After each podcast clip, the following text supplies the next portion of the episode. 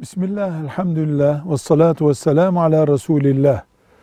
Hac ibadeti Allah'ın beşinci büyük İslam'ı temellendiren emirlerindendir.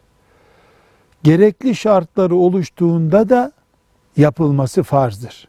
Ertelenemez.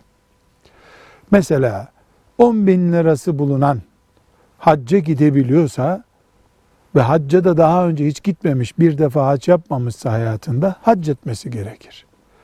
Hiçbir şey bunu engellemiyor olması lazım.